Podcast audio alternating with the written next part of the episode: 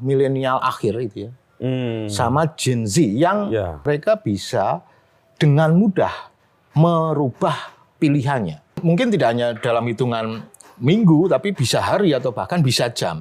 Ya, seperti swing vote mereka. Mereka swingnya itu sangat cepat. Kenapa seolah-olah partai politik semua takluk begitu saja dengan presiden satu seorang gitu? Ya, justru itu. Justru kami berharap kepada Anda yang bukan dari bagian masa lalu itu untuk menyelesaikan ini dengan cara yang mungkin baru. Itu yang saya maksud, Mas. Gen Z itu bisa aja bilang, Anda yang bikin masalah kok kami yang suruh menyelesaikan begitu. loh. Apa pun. Loh, Semuanya kalau bisa ditoleransi, negara ini mau dibawa ke mana, Mas?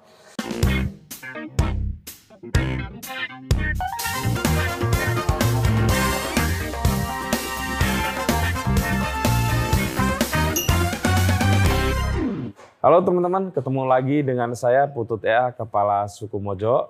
Dan hari ini kita ha, ngobrol dengan seorang intelektual hebat dari UGM.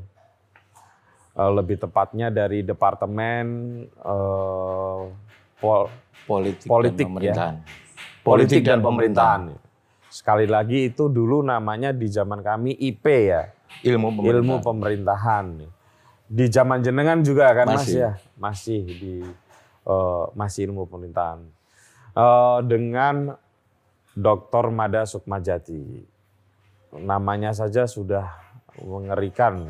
ya. Udah ada Sukmajati.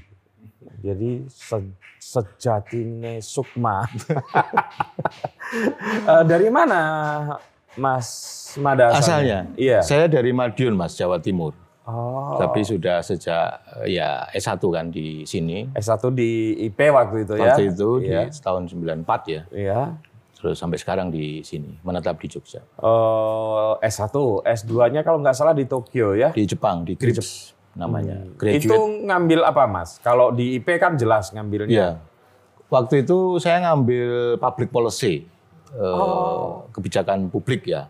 Eh, apa ya masih ada sangkutan apa ada eh, relatednya gitulah ya dengan eh, ilmu pemerintahan karena waktu itu saya belajar kebijakan-kebijakan publik. Iya, iya, Hmm. iya. Dulu IP itu kan ini juga kan banyak bupati lulusan Betul. itu zaman Orde Baru kan. Camat, bupati Bah, iya, gitu. betul. Betul. Oke. Eh, doktornya di Jerman ya. Di Jerman, di Heidelberg, Di Universitas Heidelberg. Itu apa Mas konsentrasinya? Ilmu politik disertasi? waktu itu. Ilmu Saya- politik Iya, juga. spesifik soal partai politik. Saya belajar partai politik, eh, partai politik ala Eropa ya, bukan ala Eropa, ala Amerika Serikat begitu. Jadi saya pengen eh, belajar sesuatu yang yang menurut saya waktu itu masih belum banyak orang belajar. Kalau orang belajar partai politik, pemenangan pemilu dan seterusnya melalui perspektif ilmu politik yang dikembangkan di Amerika Serikat, eh, saya lebih memilih eh, apa eh, eh, ilmu politik yang dikembangkan dari tradisi-tradisi Eropa daratan ya. Apa sih Mas perbedaan partai politik di Indonesia dengan Ya, partai politik di sana? ada banyak ya. Salah satunya mungkin eh, ini Mas, eh, eh, apa eh, periode perkembangan partai berbasis massa.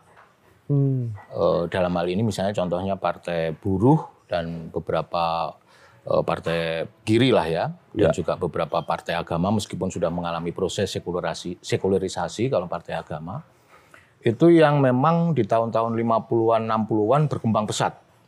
Sehingga eh, apa eh, penguatan partai partai-partai berbasis gerakan sosial ini sangat sangat eh, kuat ya di di negara-negara di Eropa Barat ini. Di Jerman, di Inggris, di Prancis, di Belanda dan seterusnya. Oke.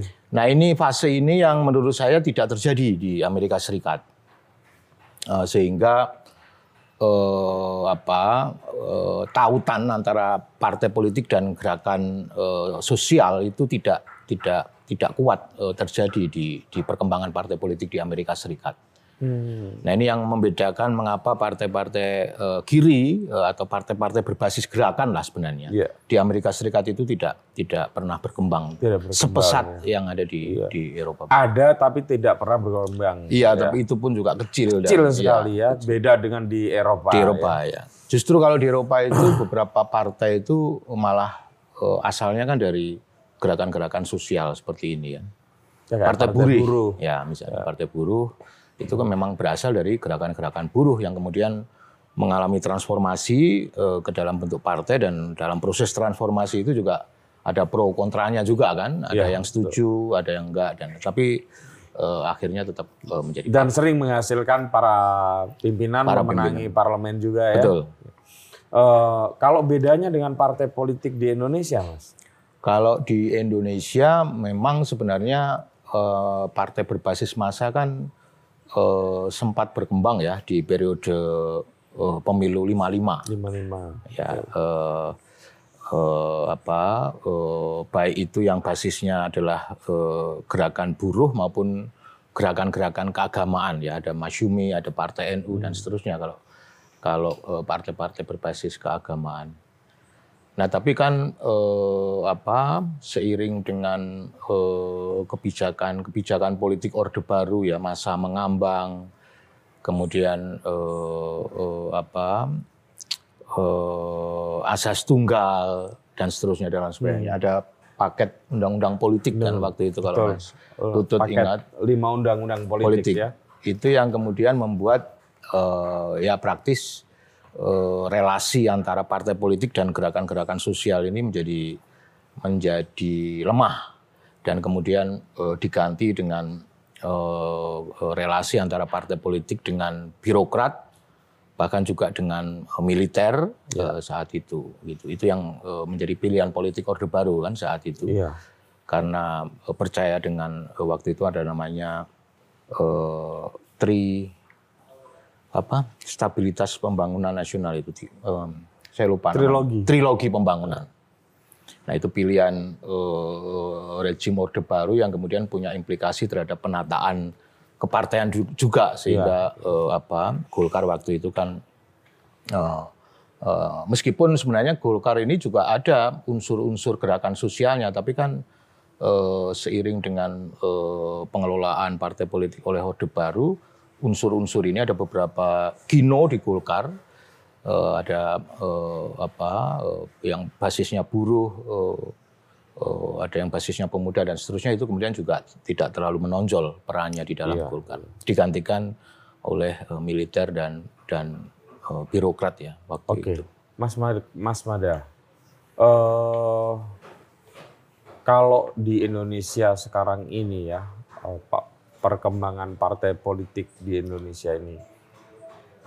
Kok tampaknya gini, hmm. saya mau mulai dari tesis bahwa partai partai politik adalah pilar penting di dalam demokrasi. Ya. Ini menurut Anda apakah hmm. Itu benar terjadi atau hmm. justru malah potensi merusak demokrasi? Hmm. Atau gimana? Nah ini kita bicara ideal atau itu idealnya kan begitu. Idealnya, idealnya kan memang jadi pilar ya, pilar penting demokrasi. Demokrasi. Dan Tapi, dari sisi desain kelembagaan sistem politik kita memang tidak ada proses politik yang sekarang tidak melibatkan partai politik. Betul. Semua proses itu melibatkan partai politik. Betul. betul. Terutama melalui parlemen, melalui parlemen, DPR. Iya. Gitu. Nah itu itu uh, kalau dari desain kelembagaan memang memang uh, sistem politik kita seperti itu. Tetapi kan menurut saya uh, apa hal itu tidak atau belum berbanding lurus dengan transformasi yang uh, terjadi di internal poli partai politik. Begitu. Hmm. Jadi pada satu sisi partai politik sudah memiliki ranah, memiliki peran, memiliki kewenangan yang sangat besar di dalam Diatur sistem dalam politik. Konstitusi, gitu Betul, ya. dijamin di dalam konstitusi. Hmm. Tapi di internal partai politik relatif tidak banyak uh, terjadi transformasi kelembagaan itu. Nah, sehingga ya uh, to some extent atau bahkan to a large extent eh, partai politik kita bisa dibilang eh, eh, apa ya eh, belum melakukan eh, eh, transformasi secara secara memadai dalam rangka untuk apa? Untuk menjalankan fungsi-fungsi partai politik. Karena partai politik itu kan harusnya punya fungsi-fungsi, Mas. Betul. Fungsi rekrutmen politik, Iya. fungsi kebijakan publik, fungsi Iya. advokasi kepentingan Betul. masyarakat dan seterusnya. Terutama pendidikan politik. Terutama kan? pendidikan politik. Oke. Nah, dengan begitu Mas, kalau kita anggap sekarang Hmm. kan sudah banyak banyak ahli, banyak penelitian yang Hmm. menyatakan bahwa terjadi kemunduran demokrasi di Hmm. Indonesia. Mm-mm. Saya kira benar nggak kalau kemudian diikuti dengan pernyataan yaitu karena kontribusi partai politik juga. Hmm. Gimana tuh Mas? Bisa, bisa jadi. Tetapi kan begini, kalau dari hasil survei itu kan selalu saja partai politik itu adalah lembaga politik yang paling tidak dipercaya oleh publik. Hmm. Ini terjadi Oke. eh, sejak eh, awal apa pertengahan 2000-an lah. Hmm. Nah, tetapi kalau kita melihat data indeks eh, demokrasi eh, yang dikeluarkan oleh lembaga-lembaga internasional ya, seperti Freedom House, apalagi eh, The- Economist, The Economist, kemudian eh, eh, apa eh, ada beberapa eh, eh, ada beberapa lagi saya lupa. Itu kemunduran demokrasi kita itu sebenarnya eh, terjadi sejak 2013. Oh. Eh, jadi sejak bisa dikatakan sejak masa akhir pemerintahan Pak SBY. Berarti sejak mulai ditinggalkannya donor-donor internasional untuk mengawal proses demokratisasi Mungkin di mungkin Indonesia ada ya. kaitannya dengan itu. Dan Mungkin. ternyata kelembagaan itu nggak terjaga dengan baik kan. Betul. Mestinya begitu ditinggalkan harusnya Sustain. sudah tertata ya. ya, Oke. ya mungkin ada pengaruh itu. Tetapi memang eh, tadi ya kalau datanya kan kalau dari sisi partai politik kan memang sudah lama gitu. Eh, partai politik ini tidak mendapat kepercayaan publik. Tapi kalau dari indeks demokrasi itu eh, dari 2013. gitu. Jadi kalau pertanyaannya tadi apakah karena kontribusi partai politik, ya bisa, bisa jadi. Tapi saya kira itu bukan satu-satunya. Ya, karena sistem eh, pemerintahan kita atau sistem politik kita yang lebih luas itu kan juga meletakkan eh, figur eh, presiden itu sebagai eh, eh, yang yang bisa dikatakan yang utama dari yang setara begitu. Iya karena sistemnya presidensial. Presidensialisme. Tapi bukan berarti kemudian parlemen tidak punya kekuatan ya, saya kira. Ya, parlemen sebenarnya punya kekuatan yang cukup kuat. Misalnya di dalam uh, konstitusi kita itu kan dinyatakan secara eksplisit, saya lupa di pasal berapa bahwa pembuat undang-undang itu adalah pemerintah dan DPR. Betul. Jadi uh, sebenarnya parlemen uh, itu juga punya uh, fungsi fungsi yang apa yang menentukan untuk menentukan kualitas Oke. atau indeks demokrasi kita ini. Nah, kemudian Mas, sebelum kita ngomong ke hal yang lebih menukik lagi di tema kita, sebelum gegeran soal apa yang terjadi di isu-isu termutakhir ini, Hmm. mau MK kek, mau politik dinasti kek, mau apa pun itu, Hmm. sebetulnya kami bisa, kita semua bisa tahu betapa partai politik itu betul-betul tidak berdaya di bawah presiden. Hmm. Kenapa itu bisa terjadi? Padahal kan harusnya enggak. Orang presiden bisa diusung kan karena partai politik. Iya. Kenapa seolah-olah partai politik semua takluk begitu saja dengan presiden satu seorang gitu? Iya, kalau menurut saya begini ya Mas Butut ya. Eh, ini berdasarkan putusan MK, saya lupa putusan MK nomor berapa, tetapi putusan MK itu yang kemudian menjadi dasar bagi kita untuk menyelenggarakan pemilu serentak 2019. Nah, di dalam putusan itu, itu disebutkan eh, intinya adalah bahwa eh, MK memutuskan bahwa presiden ini berdiri di dua kaki kaki partai politik dan kaki rakyat. Hmm, karena Partai gitu langsung. betul, partai politik karena dia yang mengusung, yang mencalonkan, kaki rakyat karena dia yang memilih secara langsung. Oke. Sehingga dengan dengan putusan itu sebenarnya memang eh, seorang presiden di Indonesia itu dibekali oleh dua kaki ini. Kaki di partai politik dan kaki di di rakyat. Nah, eh, apa uh, akhirnya ya uh, uh, ini uh, kemudian bergantung pada gaya kepemimpinan seorang presiden. Uh, bisa jadi pada isu-isu tertentu dia akan lebih bertumpu pada kakinya yang di partai politik. Tapi pada isu-isu yang lain, yang ketika isu itu ternyata berseberangan dengan partai politik, dia akan bisa berdiri di kaki sebelahnya, yang dalam hal ini adalah kaki yang rakyat gitu. Ya, tapi kenapa kenapa bisa di kalau itu oke okay lah hmm. ya. Itu dalam konteks misalnya pemakzulan akan sulit. Akan sulit. Ya, akan sulit. Ya. Tetapi kalau presiden bisa mengintervensi sedemikian dalam kepada partai politik itu kan jadi tanda tanya besar. Ya. Karena menurut saya salah satu pertanda yang harus kita baca dari seluruh hmm. Anggaplah kekacauan yang belakangan ini terjadi. Hmm. Itu kan saking takluknya partai-partai politik itu di bawah presiden. Misalnya saya hmm. kasih contoh adalah terbentuk awalnya KIB dulu, hmm. Koalisi Indonesia Bersatu kalau nggak salah hmm. ya, yang konon mau dipakai sebagai kendaraan Pak Ganjar Pranowo. Hmm. Benar tidaknya saya nggak tahu, hmm. tapi koalisi itu kan ada hmm. antara PAN, hmm. eh, kemudian apa lagi ya KIB itu ya? Uh, P3 juga. PAN P3 PD sama Golkar, Golkar kan? Ya. ya Golkar kan. Nah itu kan jelas itu. Hmm. Nah kemudian ketika sekarang ini hmm. koalisi gemuk presiden uh, sorry capres hmm. uh, Prabowo Gibran hmm. itu kan jelas-jelas nggak mungkin kalau nggak nggak atas dasar nama koalisinya aja koalisi Indonesia Indonesia maju sama dengan nama yeah. koalisi uh, nama uh, kabinetnya kan yeah. ya dan itu jelas para pimpinan partainya itu adalah para menteri gitu yeah. kan dari situ kelihatan betapa betapa inferiorit inferiornya uh, partai politik ini di hadapan presiden. Gitu. Ya. Itu gimana menjelaskan itu, Bang? Iya, pertama saya ini pertanyaan besar ya. Mungkin saya akan coba bertahap menjawab pertanyaan ini. Monggo. Pertama, memang uh, bisa dikatakan bangunan koalisi uh, sistem kepartaian kita selama ini kan basisnya sangat pragmatis ya, Mas hmm. uh, uh, sangat sedikit sekali. Itu pun hanya kasus mungkin PDI Perjuangan dengan PKS. Tapi yang lain itu sebenarnya bangunan koalisinya sangat pragmatis. Artinya bangunan koalisi itu tidak didasarkan pada kesamaan ideologi atau kedekatan ideologi. Sehingga memang kemudian uh, sangat cair uh, apa konstelasinya untuk kemudian membangun uh, sebuah koalisi.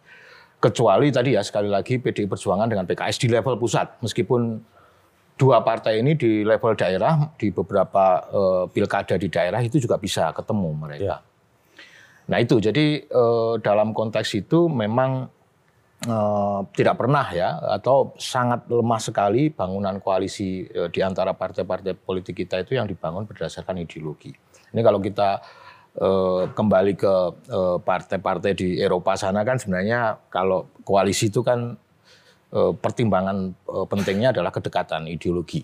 Kedekatan ideologi. Ya, jadi koalisi itu bisa lebih bersifat. Jadi mereka mungkin para ahli di sana, para lebih enak bingung, ya, bingung membaca di sini. Membaca di sini. Gimana P3 bisa Betul. menyatu dengan dengan PDI Perjuangan. Gitu. Padahal di akar rumput kan ya, beda, uh, apa, beda jauh. Iya dan tidak hanya beda jauh, tapi kan gesekan-gesekan itu masih terjadi ya. Misalnya di Oh iya di iya, Magelang, di apa Muntilan iya, kemarin kan, iya. meskipun di, di Jogja juga di Jogja banyak, juga iya. gitu. Nah jadi berbasis itu sehingga memang uh, apa uh, uh, sangat cair. Kemudian yang terkait dengan tadi kalau saya melihat begini Mas Butut, ini kan presiden kita ini kan bukan orang partai, tapi dia adalah presiden. Dan uh, apa melalui uh, data survei uh, approval ratingnya tinggi. Dan dan itu membuat presiden kita itu sangat confident, sangat percaya diri. sangat percaya diri. Tapi dia bukan orang partai, sehingga ya memang mau tidak mau seperti yang pernah Presiden sampaikan berkali-kali ketika terutama ketika uh, uh, proses pencalonan kemarin Ya ini memang ranahnya partai politik hmm. untuk kemudian bisa mencalonkan uh, uh, apa uh, presiden itu. Hmm. Nah karena bukan orang partai politik tentu saja kan pasti ada dealnya, pasti ada agreementnya antara presiden yang notabene bukan orang partai politik, tapi dia memiliki basis uh, dukungan yang kuat dengan partai politik. Yeah. Yang notabene ya bukan seorang presiden kan, bukan tapi dia memiliki kelembagaan partai politik. Ya. Nah ini saya kira pasti ada eh, apa bargaining. Bargaining itu ya saya memberi apa, saya mendapat apa. Hmm. Dari sisi partai politiknya juga seperti itu. Hmm. Saya memberi apa, saya mendapat apa. Hmm. Misalnya apakah saya akan mencalonkan uh, uh, seseorang yang itu mendapat restu presiden, hmm. tapi saya akan tetap dipertahankan sebagai ketua umum partai. Ya atau saya tetap akan aman dari kasus-kasus korupsi saya hmm. atau uh, saya akan uh, bisa punya peluang untuk uh, menjadi uh, presiden atau wakil presiden juga di pemilu-pemilu yang akan datang. Nah ini saya kira deal-deal yang memang uh, ini kan tentu saja sangat tertutup ya sifatnya ya. Iya, iya. Tapi ini kan bagian dari tadi koalisi yang yang bangunannya bukan atas dasar fondasi kesamaan atau kedekatan ideologi. Jadi ini juga sangat sangat rapuh eh, bangunan seperti ini. ini Karena kalau deal-deal itu kan apa ya. uh, apa jaminannya gitu. Ini aneh sekali ya, karena presiden seolah-olah bisa menyandera oleh uh, para petinggi partai ya. politik, tapi di sisi lain kan seharusnya parlemen yang terdiri dari perwakilan partai politik yang dipilih oleh rakyat hmm. itu juga punya nilai tawar yang sangat tinggi pada presiden. Mereka punya hak-hak ya, ya. hak angket, hak macam-macam termasuk sangat mungkin terjadi pemakzulan walaupun tidak Prosesnya semudah tidak dulu ya. gitu ya. Gitu. Itu gimana tuh? Iya, ya itu. Atau uh... karena memang ada akar yang lain. Maksud saya begini. Misalnya ya, hmm saya nggak tahu Anda kan lebih lebih banyak melakukan penelitian partai politik. Hmm. Apakah mungkin karena manajemen partai politik kita itu tidak independen secara finansial ya, misalnya, bisa sehingga membutuhkan kekuasaan ya. untuk mengoperasikan kayak kayak gitu. Ya bisa bisa jadi. Tuh? Ada memang eh, beberapa riset yang ya yang memang menunjukkan ya bahwa eh, ketergantungan partai politik pada figur uh, pemimpinnya di level pusat itu sangat tinggi, termasuk ketergantungan finansial. Itu memang sangat tinggi. Dan apa uh, uh, akhirnya partai politik itu mengalami person, personalisasi, ya. bukan sebagai sebuah lembaga publik, sebagai ya. lembaga politik yang uh, apa milik rakyat begitu atau milik banyak orang begitu, hmm. tapi kemudian melalui proses uh, itu hanya dimiliki atau hanya didominasi oleh kelompok-kelompok atau orang-orang tertentu di partai politik itu. Nah, tapi kan pembiayaan partai politik seperti ini itu kan juga rentan dengan eh, apa korupsi politik. Ya, karena eh, apa eh, membiayai partai itu kan tidak murah, Mas. Eh, kalau secara nasional pembiayaannya hanya diberi satu miliar ya untuk ngurus partai secara nasional untuk satu partai itu sangat sedikit. Iya. itu hanya untuk berapa event di hanya berapa daerah gitu. Selesai. Itu hanya untuk bayar listrik. Untuk bayar listrik, untuk bayar kesekretariatan gitu. Nah, tapi kan eh, eh, apa eh, eh, ketua-ketua partai kita ini kan banyak yang pengusaha atau menteri atau menteri yang menjadi pengusaha dan seterusnya dan lain sebagainya yang di mana pembiayaan partai politik itu juga kemudian e, berasal dari dari situ gitu. Ya. Nah dalam konteks inilah maka sentralisasi partai politik itu juga bekerja. Sentralisasi kepemimpinan partai di tingkat pusat sampai ke bawah. Oke. Itu juga bekerja sehingga memang dalam proses-proses pencalonan seperti itu tadi itu memang kita tidak melihat peranan dari pengurus-pengurus partai di daerah apalagi anggota-anggotanya yang ada di daerah dalam proses itu ini sepenuhnya sangat didominasi oleh elit di nah, partai politik yang menyangkut soal sentralisasi partai politik dan elitisme partai hmm. politik berarti isu tentang dinasti politik hmm. itu sebetulnya bukan hanya domain dari isu eksekutif kan. Ya. Iya. Ya. Ya. Jadi sekarang kan kemudian orang ngomong soal dinasti politik seolah-olah kemudian hanya semata-mata soal Gibran dan Jokowi gitu ya. Padahal di dalam praktek keseharian ya dari desa, kabupaten kalau itu eksekutif hampir semua Ya. partai politik itu melakukan dinasti politik. Ya. Itu gimana tuh Mas?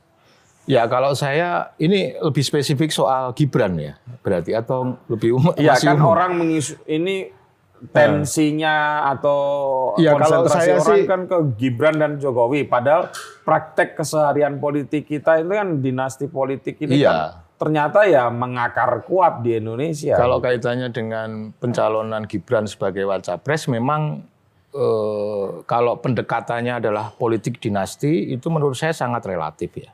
Hmm.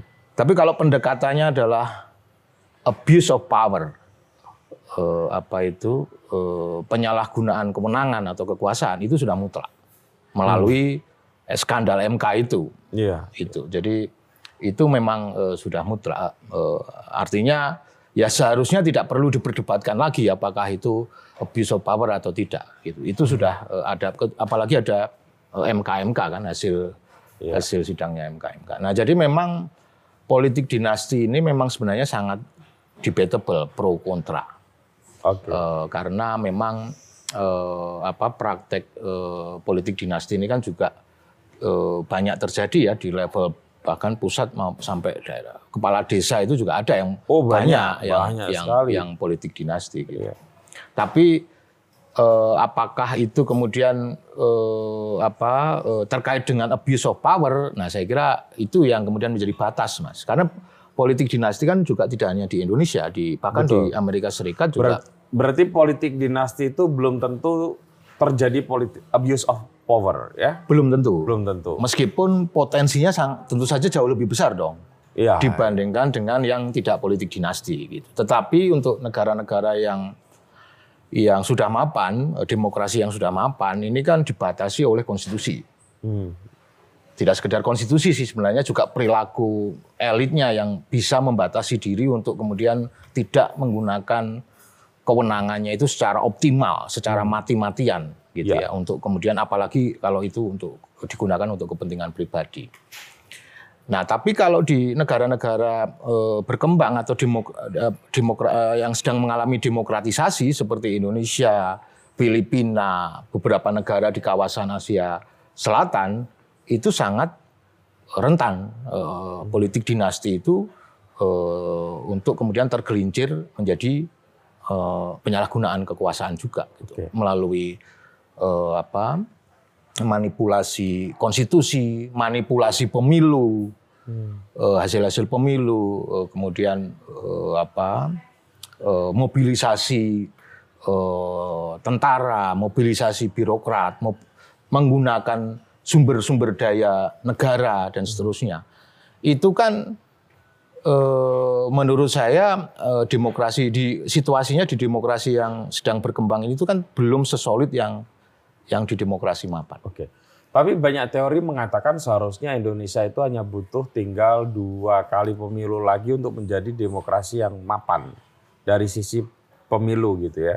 Hmm. Nah, dengan adanya kejadian belakangan ini berarti kemunduran demokrasi yang terjadi, Mas. Nah ini sebenarnya ini agak aneh juga ya karena tadi data indeks demokrasi kita itu sejak 2013 ya kalau menurut Freedom House Iya. itu menurun. Tapi kan eh, pemilu kita digadang-gadang sebagai pemilu yang demokratis ke- ketiga ya Iya. setelah kedua atau ketiga setelah India dan Amerika Serikat. Oke. Nah ini agak kontradiksi gitu kan. ini pemilunya berjalan dengan demokratis katanya, tetapi indeks demokrasi kita Turun. kok turun Iya. gitu. Nah, ini juga menjadi pertanyaan kita ini. Ini ini sebenarnya kaitannya antara pemilu dan demokrasi itu ada nggak? Kalau dari sisi teori sebenarnya ada. Paling tidak dari sisi prosedural saja. Itu menunjukkan eh, demokrasi, ada pemilu yang berkala, yang free and fair dan seterusnya itu. Hmm. Paling tidak dari sisi prosedural terpenuhi eh, apa kategori demokrasi prosedural itu. Belum yang substansial ya Iya. yang lebih ke apa misalnya kesejahteraan masyarakat, akses publik eh, terhadap kekuasaan yang setara dan seterusnya dan lain sebagainya. Oke. Nah kalau kita melihat berbagai polling yang sudah beredar, mas, Hmm. eh, saya kebetulan ya kan agak cukup menyimak ya sebagai eh, jurnalis. Hmm.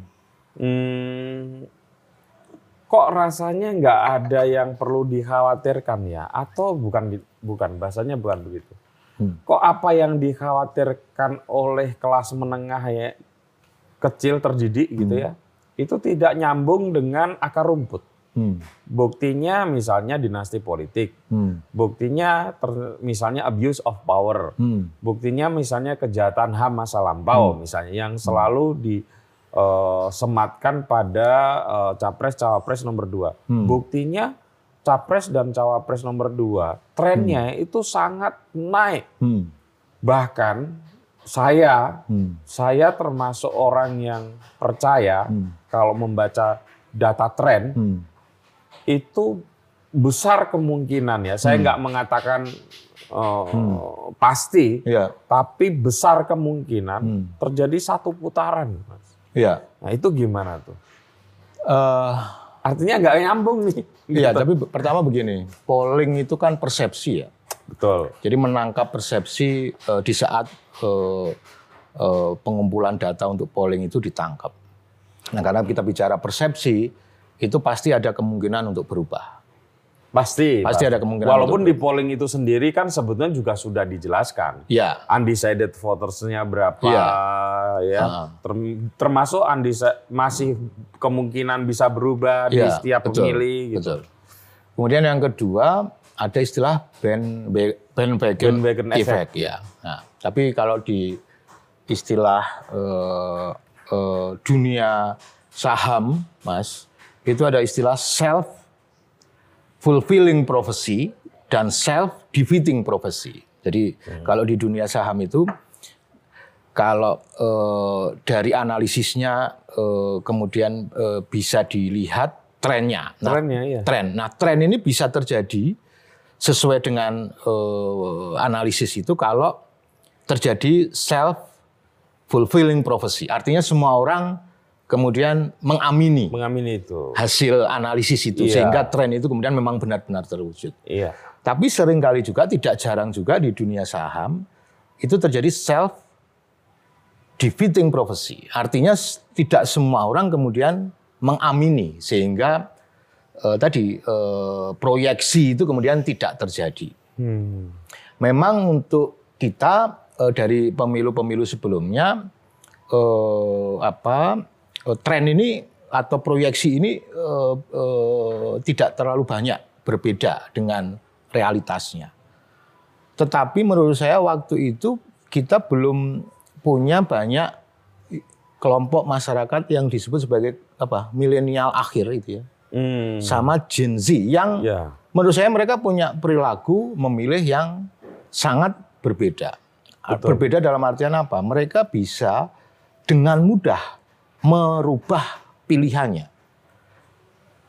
Tidak mungkin mungkin tidak hanya dalam hitungan minggu tapi bisa hari atau bahkan bisa jam. Ya. Seperti swing vote mereka. Mereka swingnya itu sangat cepat. Ya seperti orang mengakses gawe itu kan kalau dianggap tidak menarik 15 detik aja atau mungkin udah kelamaan sekarang 15 detik itu udah langsung ganti-ganti aja dia. Nah ini yang agak berbeda dengan generasi-generasi yang sebelumnya yang pilihan politik itu relatif stabil. Hmm. Jadi orang milih partai A di satu pemilu dan kemudian di pemilu berikutnya ya di generasi-generasi sebelumnya ini ya cenderung tidak banyak merubah pilihan ataupun kalau merubah pilihan pergeseran partainya tidak berbeda. Jadi misalnya antar partai-partai nasionalis. Iya. Tapi kalau antara partai nasionalis dengan partai Islam biasanya jumlahnya lebih sedikit itu. Kalaupun terjadi pergeseran biasanya antar partai nasionalis atau antar partai Islam Hmm. begitu. Nah, menurut saya kalau kita sering eh, mendengar data yang disampaikan oleh KPU ya bahwa sekitar 55 persen total dari total jumlah pemilih kita di 2024 adalah berasal dari kelompok ini, ya berarti eh, ayunan atau swing itu juga masih bisa terjadi. Dan ada Dan beberapa kalau ngomong satu putaran ya semua kandidat saya kira ambisinya satu putaran, Mas. Ambisinya enggak, Ya. kan ini kan berdasarkan aja, berdasarkan data survei. Hmm. Tren data survei maksud saya. Hmm. Tren data survei itu saya baca ya eh, Hmm. 6 atau 7 itu yang yang saya kira yang ma- masih bisa dipertanggungjawabkan gitu. Ya, Itu memang menunjukkan tren positif untuk nomor dua ya, gitu dan terjadi stagnasi di nomor tiga ya. dan bahkan ada kecenderungan turun. Hmm. Yang nomor satu itu naik tapi lambat sekali. Hmm.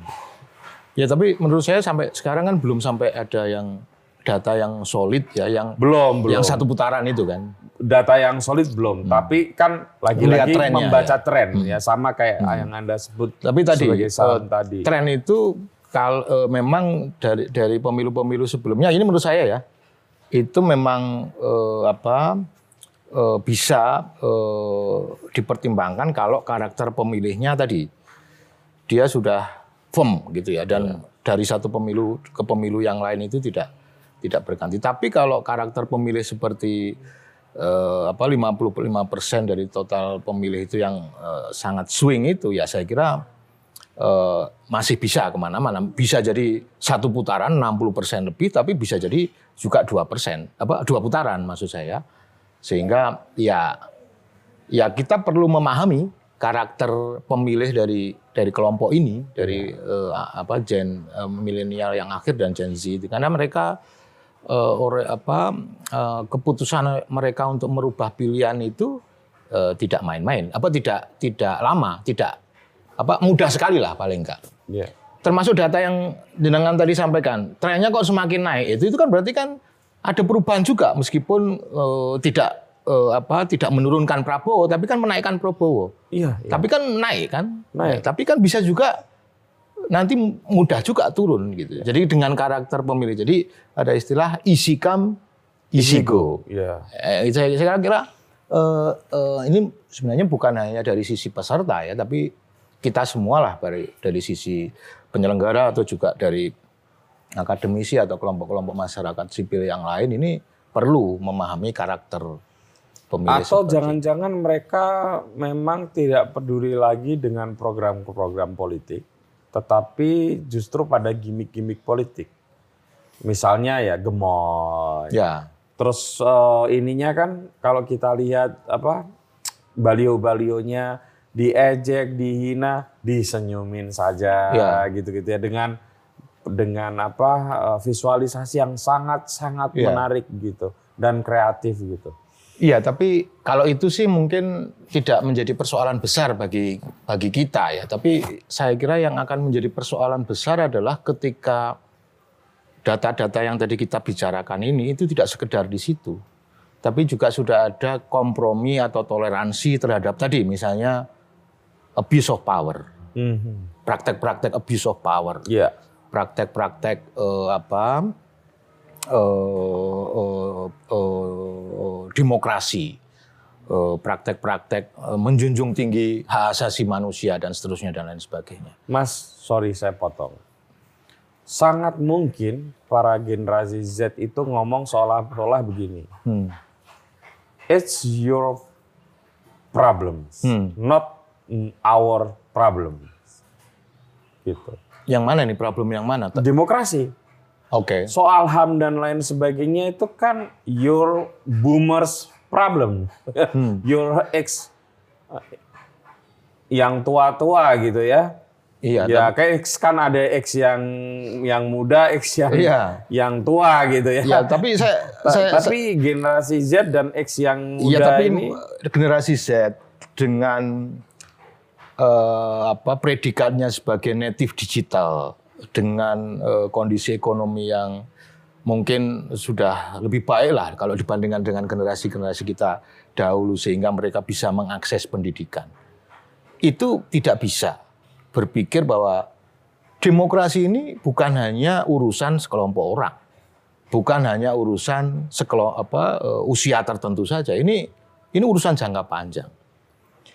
Eh, apa kes, ke apa eh, hak asasi manusia itu kan bukan urusan kelompok-kelompok tertentu. Ini kan urusan semua orang. Jangka panjang tidak hanya masa lalu. Kita kan orientasi masa lalu tapi juga melihat untuk uh, uh, apa melihat masa depan yang lebih baik. Uh, apalagi uh, uh, korupsi politik itu kan bukan ini urusanmu bukan urusan lo.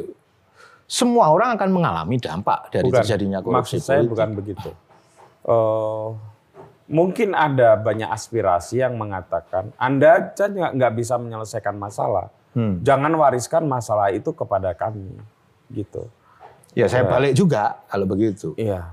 Loh, kami ini to some extent sekali lagi itu sudah pesimis. Karena kami adalah bagian dari masa lalu itu. Justru itu. Justru kami berharap kepada Anda yang bukan dari bagian masa lalu itu untuk menyelesaikan ini dengan cara yang mungkin baru, yang mungkin tidak tidak pakem menurut generasi yang ini, yang mungkin itu ada nuansa inovasinya, ada nuansa kreativitasnya, yang hal-hal yang Ya karena kita adalah bagian dari masa lalu generasi ini sehingga itu tidak bisa. Itu berkembang. yang saya maksud mas. Hmm. Gen Z itu bisa aja bilang, Anda yang bikin masalah kok kami yang suruh menyelesaikan begitu. Ya ini kan mas masalah itu kan masalah kemaslahatan publik itu kan bukan tadi ya bukan hanya ini masalah lo ini masalah gue ini masalah jangka dulu masalah bukan belum tentu menjadi masalah masa depan ini masalah kita semua masalah masalah yang sifatnya lebih jangka panjang gitu. Apalagi kalau kita bicara Indonesia emas 2045. Bagaimana kemudian kita akan menyelesaikan masalah-masalah ini kalau dari sisi mereka punya persepsi seperti itu bahwa ini bukan masalah kami loh. Korupsi politik kok bukan masalah Anda, lantas masalah siapa dong?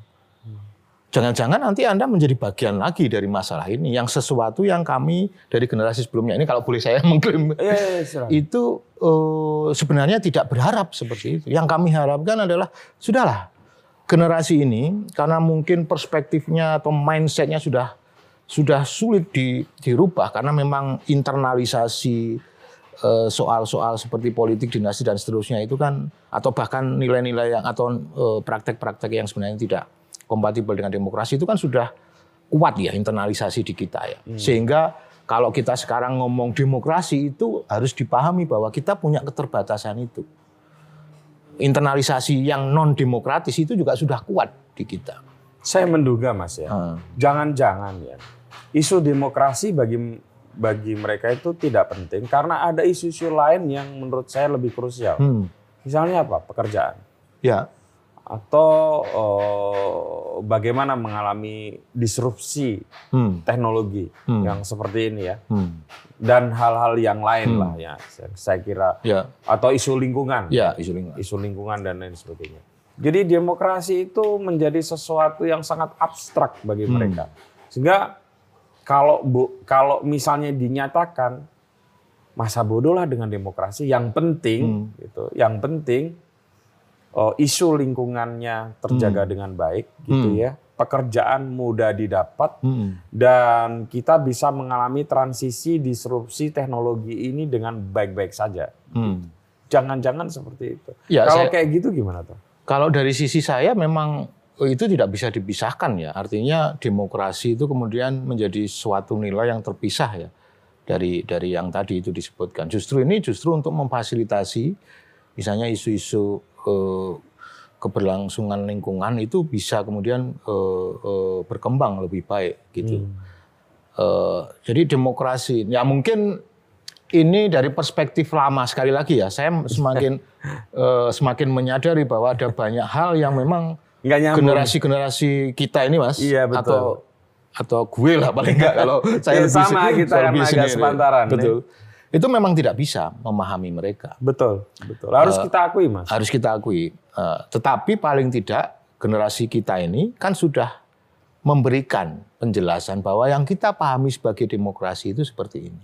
Bahwa yang kita pahami sebagai abuse of power itu seperti ini. Bahwa yang kita alami apa yang kita pahami sebagai keberlangsungan lingkungan dan seterusnya seperti ini.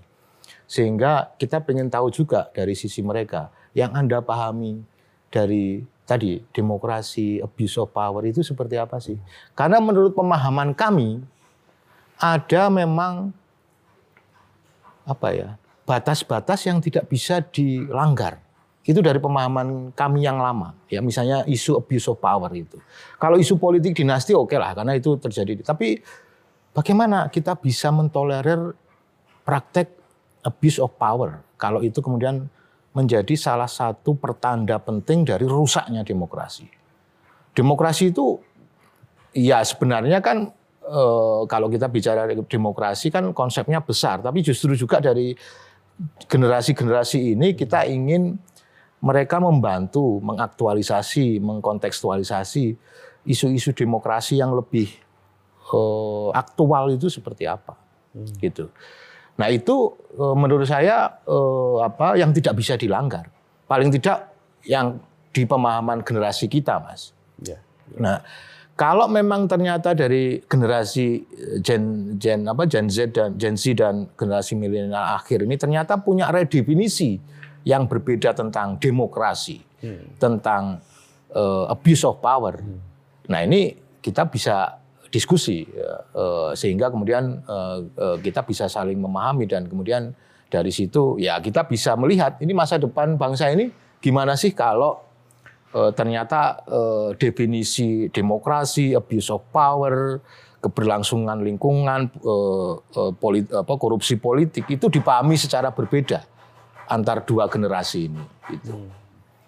Nah, tapi saya masih masih optimis, Mas, bahwa itu kan kaitannya dengan nilai ya, dengan values ya. ya. Kalau dengan moralitas. Ya. Uh, ada hal-hal yang memang seiring dengan perkembangan zaman ini ada disrupsi. Tapi soal moralitas, hmm. soal values, saya kira uh, ada banyak hal yang tidak bisa terdisrupsi atas nama disrupsi itu sendiri. Ya, misalnya hormat kepada orang tua. Kemudian apa eh, sopan santun eh, dengan masyarakat. Eh, apa yang muda eh, menghormati yang tua, yang tua menyayangi yang muda dan seterusnya dan lain sebagainya. Itu adalah values yang yang yang harus kita sama di situ sebagai sebuah bangsa gitu. Hmm. ma, apa operasi operasionalisasinya lebih lanjut yang terkait dengan hal yang mungkin bisa berbeda. Hmm. Politik dinasti mungkin kita bisa berbeda, tetapi menurut saya ada values-values itu yang tidak bisa di diterobos. Nah kalau atas nama disrupsi, atas nama apalagi tadi eh, inovasi, atas nama eh, kecerdasan, atas nama dunia digital dan seterusnya nilai-nilai ini kemudian diterobos, ya ya berarti kita harus harus bersepakat ini sebagai sebuah bangsa nilai-nilai apa lagi yang kemudian akan menjadi pegangan kita bersama, akan menjadi fondasi kita bersama dalam uh, apa melakukan relasi sosial. Oke. Okay. Karena kalau nggak ada nilai itu, nah bagaimana sebuah bangsa itu akan di, di ditata atau akan uh, sekarang gini mas, anggaplah misalnya uh, yang sering dikasih sematan terjadi abuse of power ini uh, calon nomor dua. Ya. Kalau ternyata calon nomor dua ini menang hmm. dan kemudian bisa membawa kemakmuran dan keadilan bagi bangsa Indonesia, hmm. terus dasar moralitas apa yang bisa mengatakan itu tidak bermoral gitu kemudian? Dasar moralitasnya adalah bahwa praktek yang sama bisa akan terjadi lagi di kemudian hari. Bahkan lebih berkembang lagi. Atas nama tadi, kemajuan ekonomi. Atas nama apa lagi tadi? Uh, apa pertumbuhan ekonomi yeah. dan seterusnya dan lain sebagainya. Termasuk mungkin keadilan. Iya, ya, ya. Kalau kita bicara keadilan kan sebenarnya ini kan ini datanya koefisien gini. Koefisien gini aja kita masih tinggi loh, Mas. Iya, koefisien gini itu kan di masa lalu, Mas. Ini yang kan sekarang.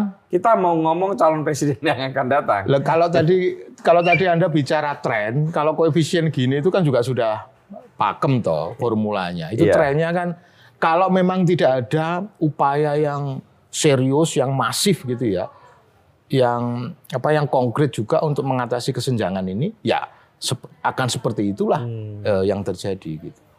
Nah, jadi memang proses ini kan antara ini kan perdebatan antara proses atau hasil gitu kan. Betul, betul. Idealnya kan baik proses maupun hasilnya baik. Baik, ya. Nah, tapi kalau suruh memilih, nah ini kan dari pro kontra. Ada yang pilihnya proses dengan asumsi kalau prosesnya baik hasilnya baik. Kalau pertumbuhan, rezeki, kemakmuran tentu semua orang langsung "Ya, yang penting hasilnya dong. Ya tapi kan apakah dia akan menikmati hasil itu dengan dengan adil kalau prosesnya lebih baik dari yang lain gitu ya. Mas, yang dari enggak, tadi. maksud saya sederhana saja. Hmm, Polit, money politik di Indonesia itu masih tinggi. ya. Orang itu itu, bisa, bisa mengubah bukan hanya dengan uang yang banyak. Hmm. 10 kilo beras saja bisa berubah. Ya. Artinya kan itu hasil kan. Nggak ngomongin proses kan ya. Udah Ya, tapi eh, makanya dari dari perspektif kita, Mas, itu kan sebenarnya sebuah nilai pemilu berintegritas yang digadaikan. Cuma apakah generasi ini juga akan memiliki persepsi atau sikap yang sama dengan itu? Ya kalau sama ya berarti ya sudah berarti generasi ini memang memang tidak banyak berbeda dengan kita yang yang eh, harusnya eh, kita sangat berharap generasi ini punya mindset yang berbeda dengan dengan generasi eh, yang dibesarkan di periode Orde Baru paling tidak. ya. Karena generasi di periode Orde Baru itu internalisasi soal eh, nilai-nilai yang tidak demokratis itu sangat intensif. Iya. Sangat Ta- intensif tapi sehingga yang- mindset Nah, Tapi yang kalau itu pun dianggap gagal Hmm. ya. eh, Generasi sekarang ya, hmm, generasi mutakhir Indonesia memahami substansi demokrasi dengan korek begitu. Itu kan berarti wujud dari kegagalan satu. Ini Anda ikut tertuduh nih. Hmm. ya memang Politik partai politik di Indonesia dalam konteks pendidikan politik Hmm, dan sistem pendidikan kita. betul.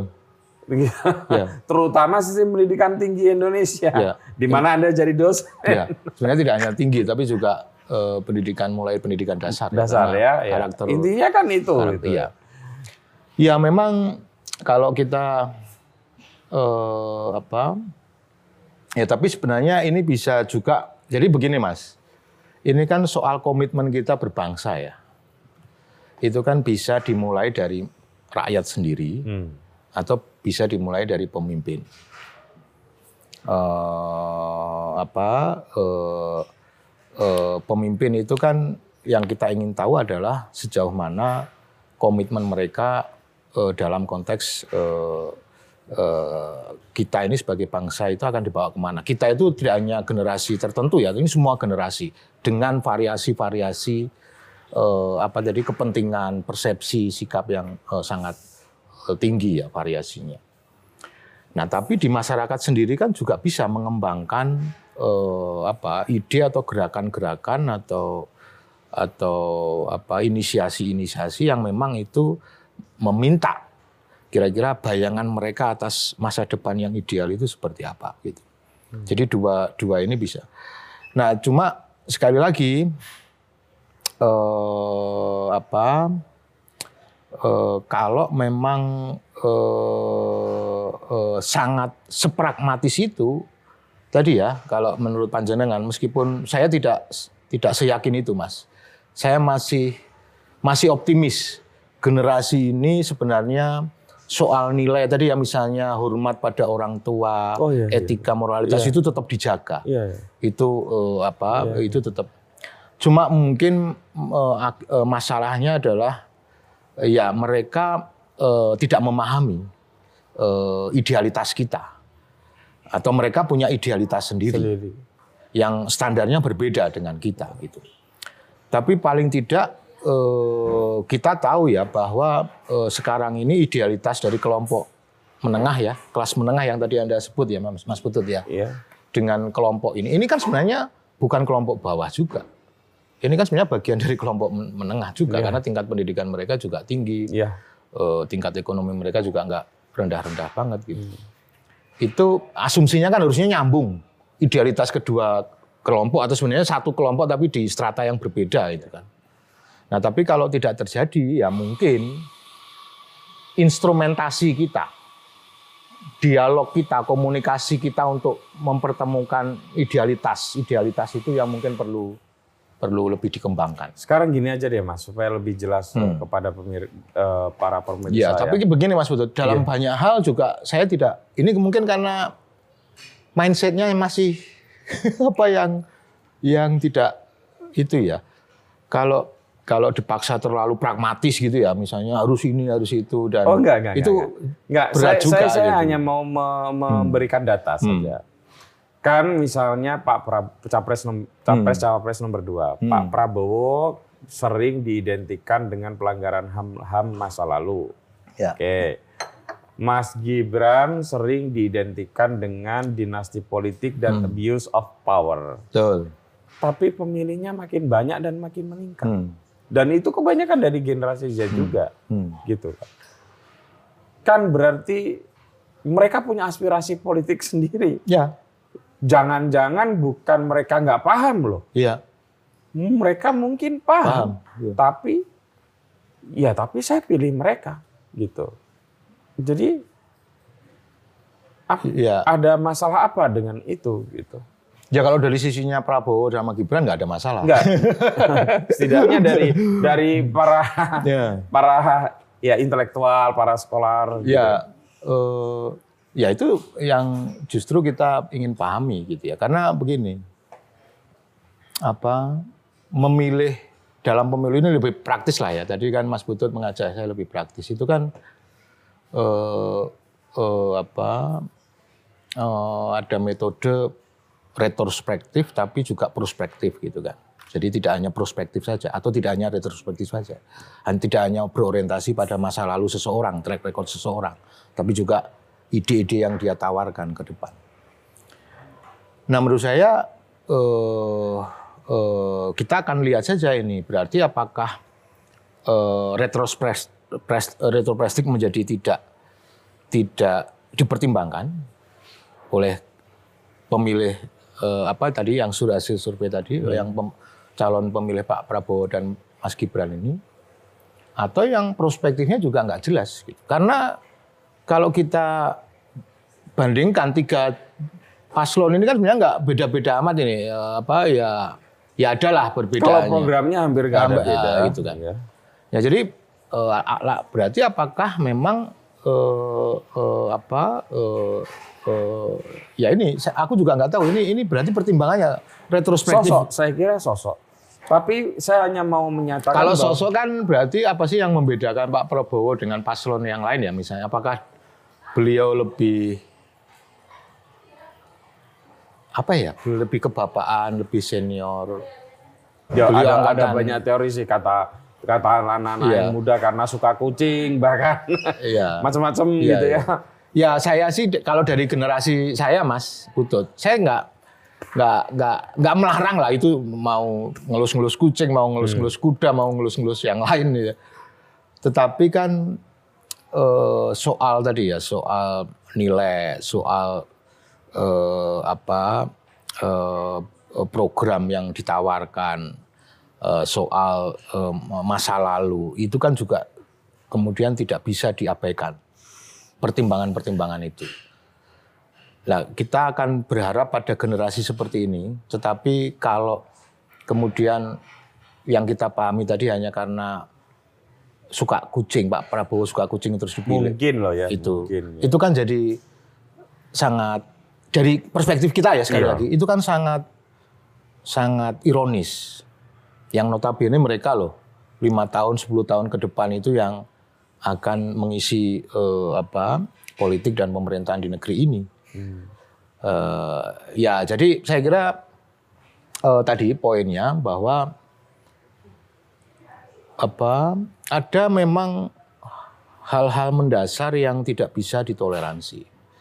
Mau itu usianya berapa saja, mau mau itu uh, tingkat pendidikannya apa saja, tingkat ekonominya apa saja, itu tidak bisa di moralitas. Hmm. Uh, mungkin tuh some extent uh, etika gitu ya, terus apa sopan santun, tata krama. Artinya Anda mau bilang kalau ada paslon yang ada abuse of power di situ mestinya nggak dipilih dong. Tidak hanya abuse of power tentu saja, eh, yang yang merupakan turunan dari tadi moralitas, iya, iya etika iya, iya. seperti ini itu juga harus harus dikritisi gitu. Misalnya memakai politik identitas. memakai begitu. politik identitas, Iya. kemudian apalagi ini kan calon paslon nomor satu kita kan boleh kan belak-belakan di sini. Boleh nggak apa-apa. Kita Eh, politik identitas kalau paslon nomor dua itu apa abuse of power atau bisa ham. power, ham. Kemudian eh, ini kan kalau kita lihat kelemahan-kelemahannya ya. Iya. Kalau calon nomor tiga itu apa? Eh, Ekologi mungkin ya, pernah semen atau wadas atau gitu. petugas partai lah. Atau petugas partai. petugas partai. Nah, itu. Eh, tetapi kan eh, cara kita nanti dulu mas, cara kita menilai kan tidak hanya yang lemah-lemah ya, Ya, yang yang unggul-unggul juga ya, misalnya. Biar ini fair mas, kita kan iya, harus iya. fair juga mau seperti apa nyantai apa pun tetap harus fair kan kalau kita ngomong. Nah ini nilai-nilai seperti ini yang tidak bisa dikompromikan menurut saya dari dari sisi saya. Hmm. Kita nggak bisa nih ngomong tiga meskipun kita sudah berusaha tiga paslon, Iya. tapi hanya dari sisi kelemahannya itu nggak bisa. Harus Oke. ada dari sisi Sisi positif. Mis- misalnya Kalau dari posisi sisi apa ya apa, paslon nomor satu itu eh apa ya mungkin lebih muda apa calon presidennya kan eh, mungkin paling muda ya Eh, atau paling berpendidikan tinggi Ya paling berpendidikan tinggi. kemudian eh, bekas mantan gubernur DKI yang notabene adalah ibu kota kemudian yang paslon nomor dua apa kelebihannya Eh, Ya mirip pengalaman militer. pengamanan militer, Pengalaman bisnis, ya. bekas menteri, anak Dan muda, menteri. anak muda itu tergantung juga itu bisa jadi kelemahan atau kelebihan, tapi mungkin Itu wapresnya, cawapresnya. eh, eh, cawapresnya kan kita ngomong satu paket nih, tidak. Oke. Kemudian yang ketiga mungkin eh, kombinasi gitu ya antara junior senior, antara eh, apa eh, eh, apa partai non partai gitu kan, eh, partai dan akademisi. Nah cara ini harus haru- eh, kalau memang mau dibilang smart, mau dibilang kekinian, mau dibilang eh, apa update atau sesuai dengan perkembangan sesu- sesuai dengan eh, kaum ini yang eh, harapkan itu ya harus fair menilainya. Kelebihan kelemahan. Masa lalu masa depan. Untuk semua paslon untuk semua capres cawapres gitu. Oke. dan eh, apa yang fair ya. Dengan begitu kalau melihat fairness itu sebetulnya semua pasangan memang berhak untuk berhak Iya. untuk memimpin negeri ini ya. ya berhak memimpin. Cuma kan kita berharap Kok ada cumanya? Iya tentu saja berhak, ber- berhak mas, berhak. Iya, berhak. Enggak dari sisi pemilihnya, ini kan mumpung momentum perubahan. Katanya ya, Hmm. setiap pemilu itu katanya selalu menyediakan harapan baru, optimisme baru. Apalagi sekarang ini kan katanya tadi KPU juga 55 persen nih. To- Dari total pemilih adalah eh, pemilih muda. Muda. Ya sudah, kita kita manfaatkan momentum ini gitu. Sesuai dengan keinginan kita gitu, termasuk keinginan anak muda itu. Gitu. Keinginan Yang- anak tapi- muda kan belum tentu perubahan. Ya monggo gitu. Tetapi yang kita batasi, yang kita jaga itu kan soal bahwa pemilu harus berintegritas. Kecurangan-kecurangan di dalam pemilu harus dijaga, harus diantisipasi. Eh, kekerasan harus diminimalisir. Ya. Eh, netralitas ASN TNI Polri harus dijaga. Nah itu kan mau anda generasi itu atau generasi yang lain itu kan sesuatu yang tidak bisa diterobos, mas. Kalau yang ini saja diterobos ya aku nggak paham itu. Makin semakin nggak paham. Yang sekarang aja udah nggak paham, apalagi loh nggak apa-apa. Kecurangan pemilu yang penting kan siapa aja yang menang bahwa ekonomi eh, baik eh, eh, apa Eh, tadi bukan kecurangan pemilu, tapi soal masa lalu. nggak abuse of power kan tadi Oh. kan. Abu- Abuse of power Abuse itu of power yang ah, sudah itu- lewat ya, ah, bukan yang betul. Itu suara. variabel abuse of power kan bisa diganti dengan yang lain. Iya, iya. iya. Dengan kecurangan pemilu. Iya, iya. iya. Dengan Itu sudah bagian maksud Anda itu sudah bagian dari kecurangan pemilu ya. Tapi belum masuk di fase Iya. pencoblosan. Ba- ma- ba- eh, maksud saya adalah hal-hal yang tidak bisa diterobos. Tidak bisa ditoleransi. Mau apa atas nama apa pun. Semuanya kalau bisa ditoleransi, negara ini mau dibawa ke mana mas? Ya, negara ini ya eh, bisa jadi dipimpin oleh seorang bandit, seorang jahat, yang kemudian dia akan memberi pekerjaan hanya kepada mereka yang kritis agar suara-suara yang bisa apa yang di medsos itu yang terutama yang bisa memobilisasi persepsi dari kelompok ini bisa uh, diamankan begitu. Dan dan strategi-strategi lainnya yang intinya yeah, adalah yeah, yeah. itu manipulasi yang yang apa manipulasi persepsi atau opini yang kemudian ya uh, akhirnya itu sebenarnya juga menipu gitu. Mas, itu itu saya iya, poinnya. Terakhir nih pertanyaan terakhir. Menurut anda berapa putaran ini? Uh, tergantung dari swing uh, ya, putersnya. Feeling Anda aja. Feeling saya nggak usah berbasis data nggak apa Nggak usah. Ya tapi ini karena ini tergantung dengan uh, uh, dugaan saya kalau uh, pemilihnya swing uh, sekali bisa berayun ke sana ke sini ya ini tergantung uh, performa dari semua paslon ya. Hmm. Tapi menurut saya uh, tidak mudah untuk satu putaran. Tidak mudah. Tidak mudah. Kecuali ada praktek-praktek tadi. Hmm. Mobilisasi sumber daya negara, aparatur negara, kecurangan pemilu dan seterusnya. Itu dalam konteks yang sekarang eh, bisa eh, kita hanya satu putaran gitu. Iya. Siapa pun itu. Kalau saya kemudian kira, terjadi, saya tidak tidak iya. berpretensi ke kelompok, ke paslon tertentu ya. Tapi ini kecurangan ini, mobilisasi ini dan seterusnya juga bisa potensi ya, terjadi di kecurangan di, itu bisa dilakukan di semua paslon. Di semua paslon. Hanya besarannya saja yang kemungkinan terjadi pada paslon tertentu kan?